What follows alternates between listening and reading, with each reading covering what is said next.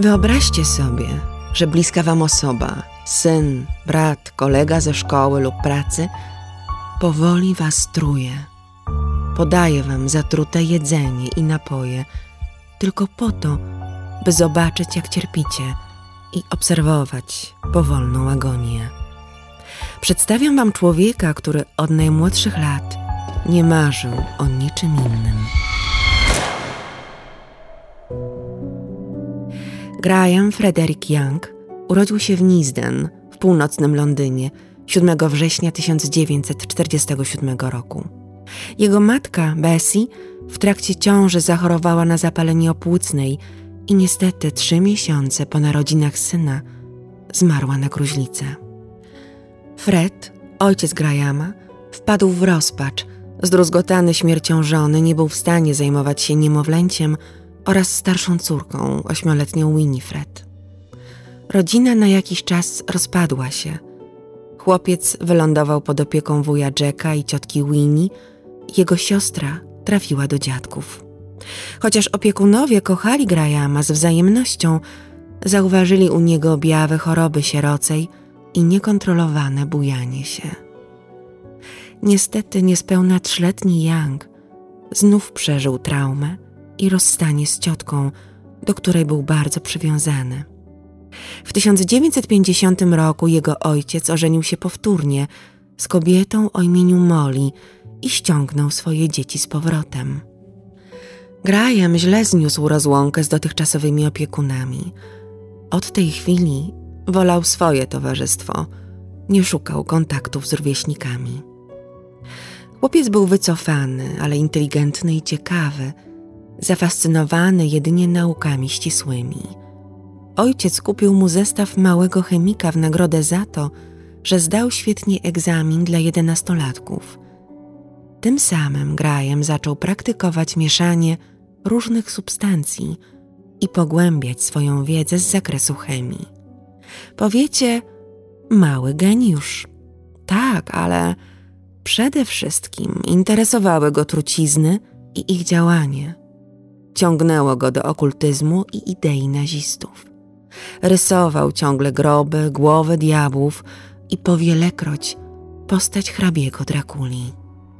Chciał przeprowadzać z innymi dziećmi ceremonie okultystyczne i składać ofiary ze zwierząt, i najprawdopodobniej zrobił to kilka razy.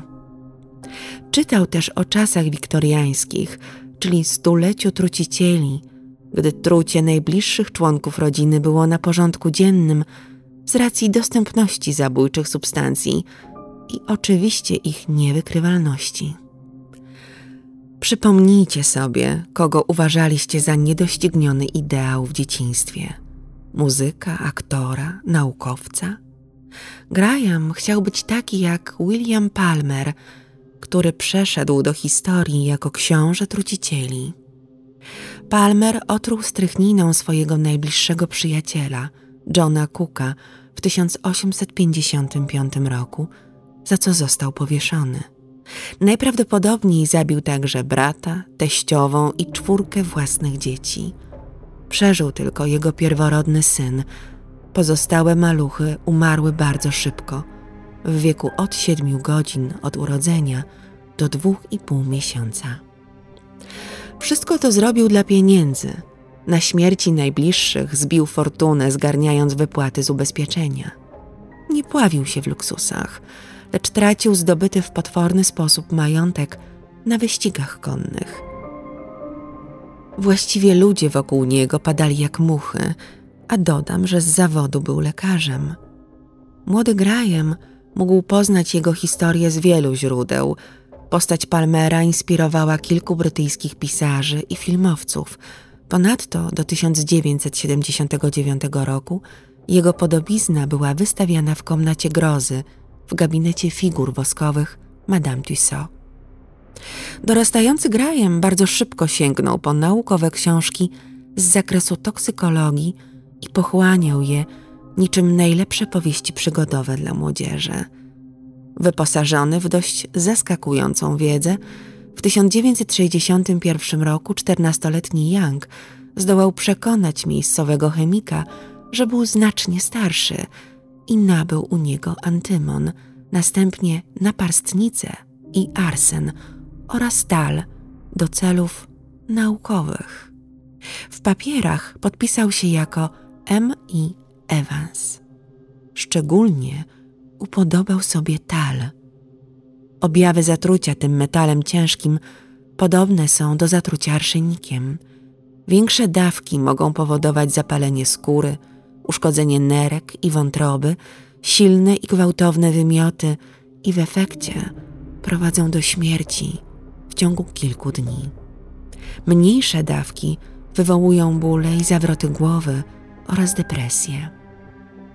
Od lutego 1961 roku chłopak rozpoczął realizację makabrycznego planu i zaczął podtruwać swoją rodzinę.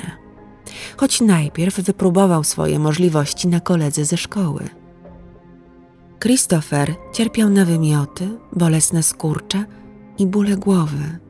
Gdy w końcu na dłuższy czas pozostał w domu pod opieką rodziców i Graham siłą rzeczy nie miał do niego dostępu, młody chemik wziął się za osoby, które były znacznie bliżej. Pierwsza zachorowała Molly, macocha. Doskwierały jej wymioty, biegunka oraz paskudne bóle brzucha. Potem jego ojciec poczuł się źle. Dopadły go podobne skurcze żołądka. Ostatnia cierpiała siostra Grahama, a na końcu on sam. Wirus rozprzestrzeniał się poza domostwo Youngów. Dopadł również kolejnych szkolnych kolegów Younga. W listopadzie 1961 roku podał swojej siostrze filiżankę herbaty. Upiła tylko łyk i odstawiła naczynie, bo napój był dla niej zbyt kwaśny. Po godzinie, w drodze do pracy, w pociągu, dopadły ją halucynacje. Obcy ludzie musieli jej pomóc i wezwali pogotowie. Wylądowała w szpitalu. Badania wskazywały, że została otruta atropiną, czyli beladonną.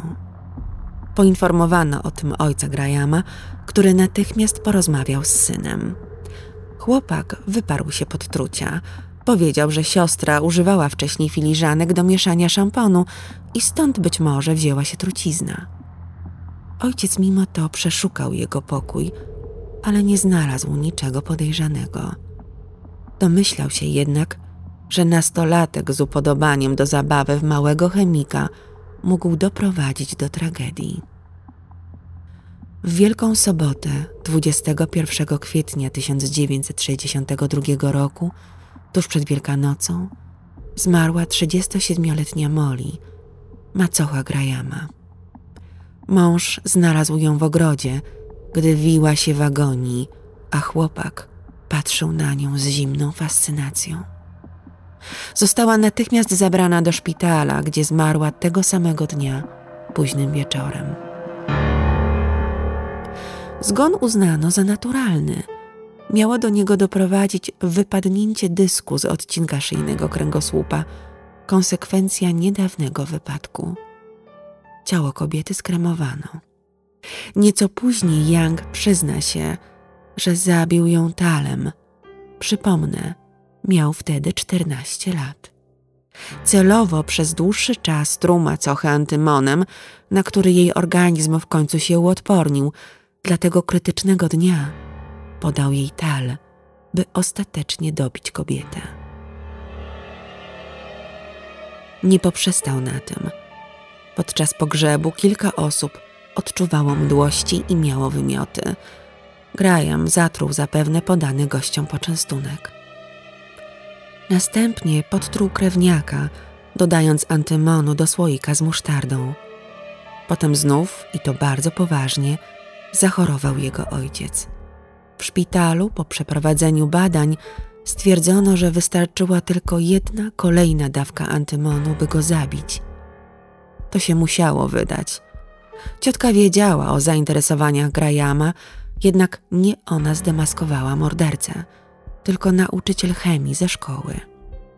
Mężczyzna odkrył trucizny i książki o ich zastosowaniu w szkolnej szafce Younga. Wraz z dyrektorem doprowadził do rozmowy nastolatka z psychiatrą, który udawał doradcę zawodowego. Po wywiadzie z Grahamem poruszony lekarz zawiadomił policję. Chłopak zbyt dobrze znał się na toksykologii i za mało okazywał emocji. Był zimny i pozbawiony moralnych dylematów. 23 maja 1962 roku Graham jak zwykle wrócił do domu ze szkoły, gdzie został aresztowany. Podczas przeszukania ujawniono, że posiadał fiolki stalem i antymon. Przyznał się wówczas do podtruwania ojca, macochy, siostry i kolegi. Po przeprowadzeniu obserwacji psychiatra dr Christopher Fish stwierdził, że chłopak nie był chory psychicznie, raczej wykazywał cechy psychopatyczne i po prostu nie odróżniał dobra od zła. Podczas rozmowy Graham wyznał mu, że tęskni za antymonem, który daje mu moc. Władze zdecydowały się, by zatrzymać go w szpitalu psychiatrycznym dla przestępców, osławionym Broadmoor. Wszystko wskazywało na to, że Young nie przestanie realizować swojej pasji i będzie kontynuował swoje zabójcze hobby. Trzeba było wyeliminować go ze społeczeństwa, przynajmniej na jakiś czas. Szokująca decyzja, ale wydawała się słuszna. Graham był najmłodszym pacjentem placówki od 1885 roku i miał pozostać w szpitalu przez co najmniej 15 lat. Uprzedzając nieco fakty, zdradzę Wam, że został zwolniony po ośmiu latach. A przecież w trakcie jego pobytu działy się rzeczy niesłychane. Zaraz po jego przybyciu zmarł współwięzień John Berridge, otruty cyjankiem. Dzień podejrzenia padł na młodego Younga, który bez oporów opowiadał, w jaki sposób można uzyskać truciznę z liści krzewów laurowych, które rosły gęsto wokół szpitala. Jednak nie zdołano mu niczego udowodnić. Śmierć mężczyzny uznano za samobójstwo. Kolejną truciznę, środek harpik do czyszczenia toalet, znaleziono w kawie pielęgniarki, inne chemikalia w dzbanku na herbatę. Young znalazł w szpitalnej bibliotece podręczniki medyczne i toksykologiczne, w których się zaczytywał. W książkach historycznych najbardziej pasjonowały go losy III Rzeszy. Zapuścił wąsy jak Führer, naśladował jego sposób mówienia i słuchał kompozycji Wagnera. Chociaż już w 1965 roku Graham po raz pierwszy złożył wniosek o przedterminowe zwolnienie, nie rozpatrzono go przychylnie. Zarówno ojciec, jak i każdy inny krewny nie podjąłby się przyjęcia go pod wspólny dach. Pan Young nalegał, by jego syna nigdy nie wypuszczano na wolność. Z perspektywy czasu mogę tylko powiedzieć, że miał rację. W czerwcu 1970 roku psychiatra z Broadmoor, Edgar Adwin, zwrócił się do ministra spraw wewnętrznych z prośbą o uwolnienie Grahama. Nie ma on już obsesji na punkcie trucizn, przemocy i innych niecnych uczynków i nie stanowi już zagrożenia dla innych, pisał. Doktor widział jedną stronę medalu. W tym samym czasie Young zwrócił się do pielęgniarki słowami: Kiedy stąd wyjdę, zabiję jedną osobę za każdy rok spędzony w tym miejscu. Komentarz został zapisany w jego aktach. Mimo to wypuszczono go na wolność 4 lutego 1971 roku. Miał 24 lata i pozornie całe życie przed sobą, z czystą kartą. Szpital nie mógł nikomu ujawniać jego przeszłości i zarzutów, na podstawie których skierowano go do Broadmoor. Przygarnęła go siostra z mężem. Zamieszkał z nimi w Hemel Hempstead. Myślicie, że się zmienił? Cóż, nie opowiadałabym o nim, gdyby dokonała się w nim cudowna przemiana, tak jak zakładał psychiatra z Broadmoor. Po kilku tygodniach od wyjścia ze szpitala, Graham próbował zakupić truciznę w aptece John Bell and Croydon na Wigmore Street w Londynie. Aptekarz odmówił mu sprzedaży bez pisemnego zezwolenia. wrócił do niego z odpowiednim dokumentem sporządzonym na papierze firmowym Bedford College z uzasadnieniem, że specyfik potrzebny był do analizy. W ten sposób zdobył 25 gramów winianu antymonowo-potasowego. W tym samym miejscu kupił potem 25 gramów talu. Young musiał zdobyć jednak wykształcenie i zacząć żyć na własny rachunek. Wziął udział w szkoleniu w zakresie obsługi sklepu w Slough. Zamieszkał wówczas w pobliskim hostelu. Zdobył tam przyjaciela, 34-letniego Trevora Sparksa. Spędzali razem czas w pubie, pili też wino w pokoju Sparksa. Graham, okazując sympatię, jednocześnie podtruwał kolegę. W nocy 10 lutego, czyli zaledwie sześć dni po wyjściu Younga z Broadmoor, mężczyzna rozchorował się. Dręczyła go biegunka, czuł dosłownie igły wbijane w nogi i silne bóle w jądrach. Napady wracały w przeciągu następnych tygodni. Sparks chodził do lekarzy, ale nie potrafiono znaleźć przyczyny jego dolegliwości. Podejrzewano infekcję nerek, jelit, dróg moczowych czy żołądka. Gdy w końcu wyjechał ze Slow w kwietniu 1971 roku, wrócił do zdrowia. Graham został zatrudniony w fabryce John Headland Laboratories jako asystent magazyniera w Bovingdon w pobliżu domu swojej siostry. Zakład zajmował się produkcją soczewek na podczerwień z wykorzystaniem bromku talu i jodku dla celów wojskowych. Jednak w samej fabryce nie magazynowano talu, dlatego Young kupił go w Londynie. Przyjęto go do pracy, mimo że nie miał doświadczenia i historii zatrudnienia. Tłumaczył to załamaniem nerwowym po śmierci matki. Owszem, pracodawca otrzymał informacje o rehabilitacji w Broadmoor, jednak prawo chroniło prywatność truciciela na tyle, że nie udostępniono informacji, za co przebywał w szpitalu dla przestępców. Po rozpoczęciu pracy zamieszkał w wynajętym pokoju przy Maynard Road w Hemel Hempstead. Był dość trudnym współpracownikiem, chwiejnym emocjonalnie, zmiennym, raz opryskliwym, raz przyjaznym i w dodatku mało rozmownym. Wcale nie zabiegał o sympatię innych. Przerwy spędzał sam, zwykle na lekturze książek o chemii, wojnie, nazistach lub słynnych mordercach. Nawet nie przypuszczał, że będzie miał tak łatwy dostęp do napojów kolegów. Do jego obowiązków należało zbieranie kubków po przerwie. Wkrótce wiedział, który do kogo należy i wynosił je do magazynu, by tam dodawać do nich truciznę. Zaczął to robić bardzo szybko po zatrudnieniu. Wykorzystywał antymon lub tal, dodawał je do herbaty albo kawy. Ofiary reagowały wymiotami, bólami brzucha, nudnościami i biegunką. Wkrótce tajemniczy wirus nazwano Bovingdon Bug. Podejrzewano zatrucie wody, działanie opadu radioaktywnego lub wyciek chemikaliów jako przyczynę dolegliwości pracowników fabryki. 59-letni Bob Eagle, kierownik magazynu i bezpośredni przełożony Grahama, zmarł pierwszy Zachorował w czerwcu 1971 roku. Wziął urlop na odchorowanie, a w domu jego stan się poprawił. Jednak gdy wrócił do pracy, bezlitosny Young dodał mu śmiertelną dawkę talu do herbaty. Eagle trafił na oddział intensywnej terapii. Bóle były nie do wytrzymania. Paraliżowało mu dłonie i stopy. Leżał w St. Albans City Hospital, gdzie Graham sprawdzał regularnie jego stan zdrowia, oczywiście z troski o kolegę. Otruty mężczyzna zmarł 7 lipca 1971 roku.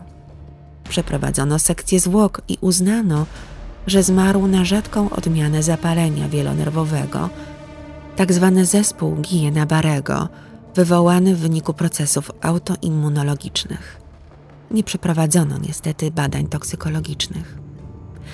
Wraz z dyrektorem zarządzającym fabryki Graham pojechał na pogrzeb jako przedstawiciel działu.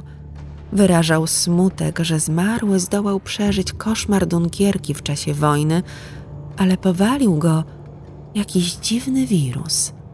Zapewne czuł się jak Bóg w tamtej chwili. Gdy Eagle leżał w szpitalu, podtruwał również Rona Hewita, zaprawiając mu herbatę antymonem. Na szczęście dla niego, Ron odszedł niebawem z firmy i objawy wywołane podtruwaniem zniknęły. Po jego odejściu i śmierci Igla, Young został głównym magazynierem, na razie na okres próbny. Kolejne miesiące upływały mu na zabawie. Dla rozrywki dodawał maleńkie dawki trucizn do herbaty Diany Smart, koleżanki z pracy, która czasami go denerwowała. 8 października 1971 roku inny pracownik fabryki, David Tilson, napił się herbaty zawierającej octan talu. Była jednak dla niego zbyt słodka, bo dla niepoznaki Young dosypał więcej cukru. To uratowało Tilsonowi życie. Jednak po tygodniu dostał kolejną dawkę i musiał być hospitalizowany. Zdrętwiały mu nogi, nie mógł oddychać, odczuwał bóle w klatce piersiowej. Jego całe ciało było niemożliwie tkliwe i wypadły mu wszystkie włosy. Young nie zdążył go dobić tak jak planował, dostarczając mu do szpitala butelkę z zatrutą brandy. Tilson wrócił do domu. W wyniku porażenia został na zawsze impotentem. Jednocześnie chorował Jet Robat, który o dziwo był w całkiem dobrych relacjach z mordercą. Dostał od Younga tal dwa razy, w dawkach, które mogły go zabić. Znów na szczęście Bat nie wypił kawy, którą podał mu kolega. Była za mocna, jednak upił jej na tyle, że wystarczyło, by trafił do szpitala z podobnymi objawami co Tilson. Wypadły mu włosy. Oszalały z bólu, podjął próbę samobójczą. Wyzdrowiał, jednak był już fizycznym i psychicznym wrakiem. Ostatnia ofiara, 58-letni Fred Biggs, pracownik fabryki na pół etatu, został otruty antymonem. Oczywiście pojawiły się objawy, ale to nie satysfakcjonowało Younga. 30 października uraczył Biggsa dawką octanu talu w herbacie. W kolejnych trzech szpitalach nie potrafiono mężczyźnie pomóc. Stracił mowę, nie mógł oddychać, skóra dosłownie odpadała płatami. Young okazał się najbardziej zatroskanym kolegą z pracy. Dopytywał często żonę chorego o jego stan. Biggs zmarł 19 listopada 1971 roku. Nie minął rok od wyjścia ze szpitala, a Young zabił dwie osoby i podtruł wiele innych. Dyrekcja fabryki jednak nie była obojętna wobec zachorowań pracowników, z których prawie 70 miało dziwne objawy zatrucia. Dotychczas 43 medyków, którzy badali podtruwanych kolegów Younga, nie wykryło prawdziwej przyczyny wirusa z Bovingdon. Wszczęto wewnętrzne śledztwo.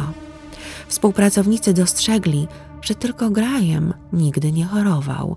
Nie, nie oskarżono go o otrucie, ale o to, że może był nosicielem tajemniczego wirusa. Potem doszła jeszcze informacja o niezdrowym zainteresowaniu truciznami – Young sam skupił na sobie podejrzenie, gdy pokłócił się z firmowym lekarzem, który upierał się, że źródłem zatruć nie mogą być metale ciężkie. Diagnoza Younga była przeciwna i oczywiście słuszna. Właściciel firmy skontaktował się z policją, a ta rozgryzła w mig Grahama, mając dostęp do wiedzy o jego przeszłości. Ponadto lekarz doradzający Scotland Yardowi w rozwikłaniu tej sprawy czytał tajemnicę bladego konia Agaty Christie, w której to książce morderca stosuje tal. Autorka doskonale opisała objawy zatrucia tym pierwiastkiem. Dwa dni po śmierci Bixa, 21 listopada 1971 roku, Graham został aresztowany. Policja przyszła po niego gdy przebywał u swojej ciotki i wuja w Sheerness, w hrabstwie Kent. Nie miał przy sobie ani grama trucizny. Wyparł się wszystkich zarzutów. W jego wynajmowanym pokoju znaleziono 434 mg metalu i ponad 32 gramy antymonu, dwustukrotność śmiertelnej dawki. Miał jeszcze atropinę, akonitynę i naparstnicę. W dzienniku, który prowadził, zapisywał dawki, jakie podawał ludziom, wywołane objawy oraz jego zamiary. Czy pozwalał danej ofierze przeżyć, czy też nie. Osoby oznaczał inicjałami, pod którymi kryli się jego współpracownicy. Nie miał wyjścia. Przyznał się do otrucia Igla, Bixa, Bata, Tilsona i Sparksa. Stosował różne środki, by lekarze nie zorientowali się, że przyczyna dolegliwości była ta sama dla wszystkich. W swoim mniemaniu uważał się za genialnego mordercę, bo przecież nikt się nie zorientował, że zabił swoją macochę. Na pytanie, dlaczego truł bliskie sobie osoby, tak odpowiedział policjantowi. Przypuszczam, że przestałem postrzegać ich jako ludzi. Przynajmniej część mnie, tak. Byli po prostu królikami doświadczalnymi. W 1972 roku został oskarżony o dwa zabójstwa i dwa usiłowania zabójstwa. Postawiono mu cztery zarzuty podania trucizny z zamiarem zranienia i cztery z zamiarem spowodowania ciężkiego uszczerbku na zdrowiu. Co dziwne, teraz nie przyznawał się do winy. Dlatego nikt nie chciał podjąć się jego obrony. Rozprawę przekładano. W końcu wyzwanie przyjął adwokat, Sir Arthur Irvine. Oskarżycielem był John Leonard. Proces rozpoczął się w sądzie w St. Albans 19 czerwca 1972 roku. Niestety prawo znów chroniło Grahama. Ława przysięgłych nie mogła dowiedzieć się, że wcześniej podejmował już próby otrucia i odsiedział kilka lat w Broadmoor. 75 świadków zeznawało przeciwko niemu. Young był jedynym świadkiem obrony. Odczytany publicznie w sądzie przerażający pamiętnik tłumaczył jako fantazję, literacki wymysł. Przysięgli zastanawiali się godzinę i 38 minut.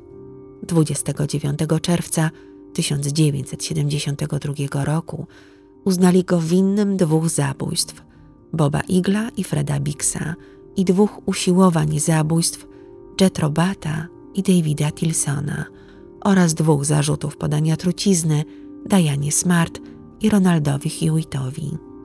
Skazano go na dożywocie. Skazany nie chciał wracać do Broadmoor, wolał zwykłe więzienie. Sąd wziął pod uwagę jego wybór. W Ashworth, w Magal, szpitalu psychiatrycznym o zaostrzonym rygorze, zaprzyjaźnił się z Ianem Bradym, mordercą z wrzosowisk, który wraz z partnerką zamordował pięcioro dzieci. Obu fascynowała gra w szachy i nazistowska rzesza. Brady poświęcił Yangowi jeden rozdział w swojej książce The Gates of Janus, wydanej w 2001 roku. Pisał, że dla Younga afrodyzjakami była śmierć i władza nad życiem. Poza tym był aseksualny. Graham Young zmarł na atak serca w swojej celi w więzieniu Parkhurst na wyspie White wieczorem 1 sierpnia 1990 roku. Oficjalna przyczyna zgonu 42-latka budzi jednak wątpliwości do dziś. Być może popełnił samobójstwo, by do końca sprawować kontrolę, lub pomógł mu ktoś z personelu więzienia albo współwięźniowie. Przy nim nikt nie mógł czuć się bezpieczny i samo to mogło wystarczyć za powód do egzekucji. Historia Younga doprowadziła do zmian w prawie i nie tylko. Od 1972 roku żaden pacjent szpitala specjalnego w Wielkiej Brytanii nie może wyjść bez zgody co najmniej dwóch lekarzy psychiatrów. Również nadzór nad zwolnionymi pacjentami został wzmocniony. Po skazaniu pojawili się niestety naśladowcy Younga, także poza Wielką Brytanią. W 2005 roku w Japonii aresztowano szesnastolatkę, która otruła dalem 47-letnią matkę. Wzorem dla niej był Yang, o czym wspominała w szkole, gdy zapytano ją o największego bohatera w historii. Dziewczyna odnosiła się bezpośrednio do pamiętnika Yanga na swoim blogu internetowym. Duży wpływ na nią miał film z 1995 roku The Young Poisoner's Handbook, podręcznik młodego truciciela, który został zdubbingowany na język japoński przedstawia makabryczne fascynacje Younga śmiercionośnymi substancjami. Młoda Japonka zapisywała na blogu podawane matce dawki i jej reakcje. Ponadto publikowała zdjęcia otrutej kobiety, która zapadła w śpiączkę i nie odzyskała przytomności. Nastolatka truła również małe zwierzęta, niektóre z nich konserwowała w formaldehydzie i trzymała w swoim pokoju. Policję zaalarmował w końcu jej brat. Według japońskiej gazety Asahi Shimbun wysoki urzędnik śledczy wyraził opinię, że, cytuję, nie żywiła urazy do matki, po prostu chciała przeprowadzić eksperyment. Truła nawet samą siebie, by nie było podejrzeń. Ostatecznie jej rodzina nie chciała, by postawiono dziewczynę przed sądem. W marcu 2009 roku obraz namalowany przez Younga podczas zajęć plastycznych w więzieniu i przedstawiający dwóch braci Krejów, osławionych gangsterów, sprzedano na aukcji za 2700 funtów. Jego postać została wystawiona w komnacie grozy w gabinecie figur Madame Tussaud, tak jak sobie tego życzył morderca. Źródła, z których korzystałam przy opracowaniu odcinka, to archiwalne artykuły z The Guardian, BBC i The Times. Przy okazji polecam Wam również dwie książki. Carly Valentine, Morderstwo nie jest takie proste, Agata Christie między kryminałem a true crime oraz książkę Jonathana Lewiego i Emmy French Za murami Broadmoor, najsłynniejszy szpital psychiatryczny na świecie. Nie jest to współpraca reklamowa Polecajka jest szczera.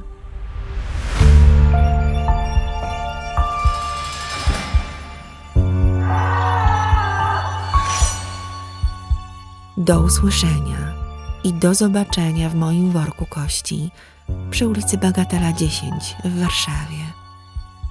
Renata z worka kości. Postscriptum. Ponownie zapraszam na moje nowe konto na Instagramie którego adres podaję w opisie odcinka. Niestety poprzednie konto zostało zablokowane z powodu zgłoszeń. Komuś wydawało się, że namawiam do przemocy.